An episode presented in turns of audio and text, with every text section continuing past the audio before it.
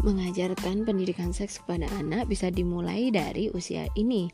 Ibu sebagai orang tua bisa memberikan tahu nama-nama bagian tubuh yang sebenarnya.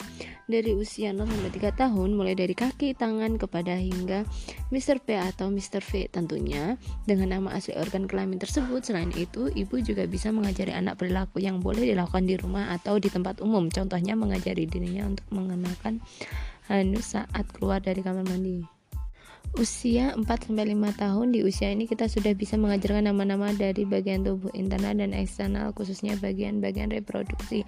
Kamu juga bisa menjelaskan bagaimana bayi bisa berada dalam rahim seorang ibu namun bahasanya yang digunakan harus disuakan disesuaikan dengan usia alias tidak boleh vulgar. Nah, usia tahap mulai dari tertarik dengan lawan jenisnya 13 sampai 18 tahun, maka dari itu kamu dan pasangan sah-sah saja membahas masalah cinta, keintiman dan cara mengatur batas dalam hubungan mereka dengan lawan jenis.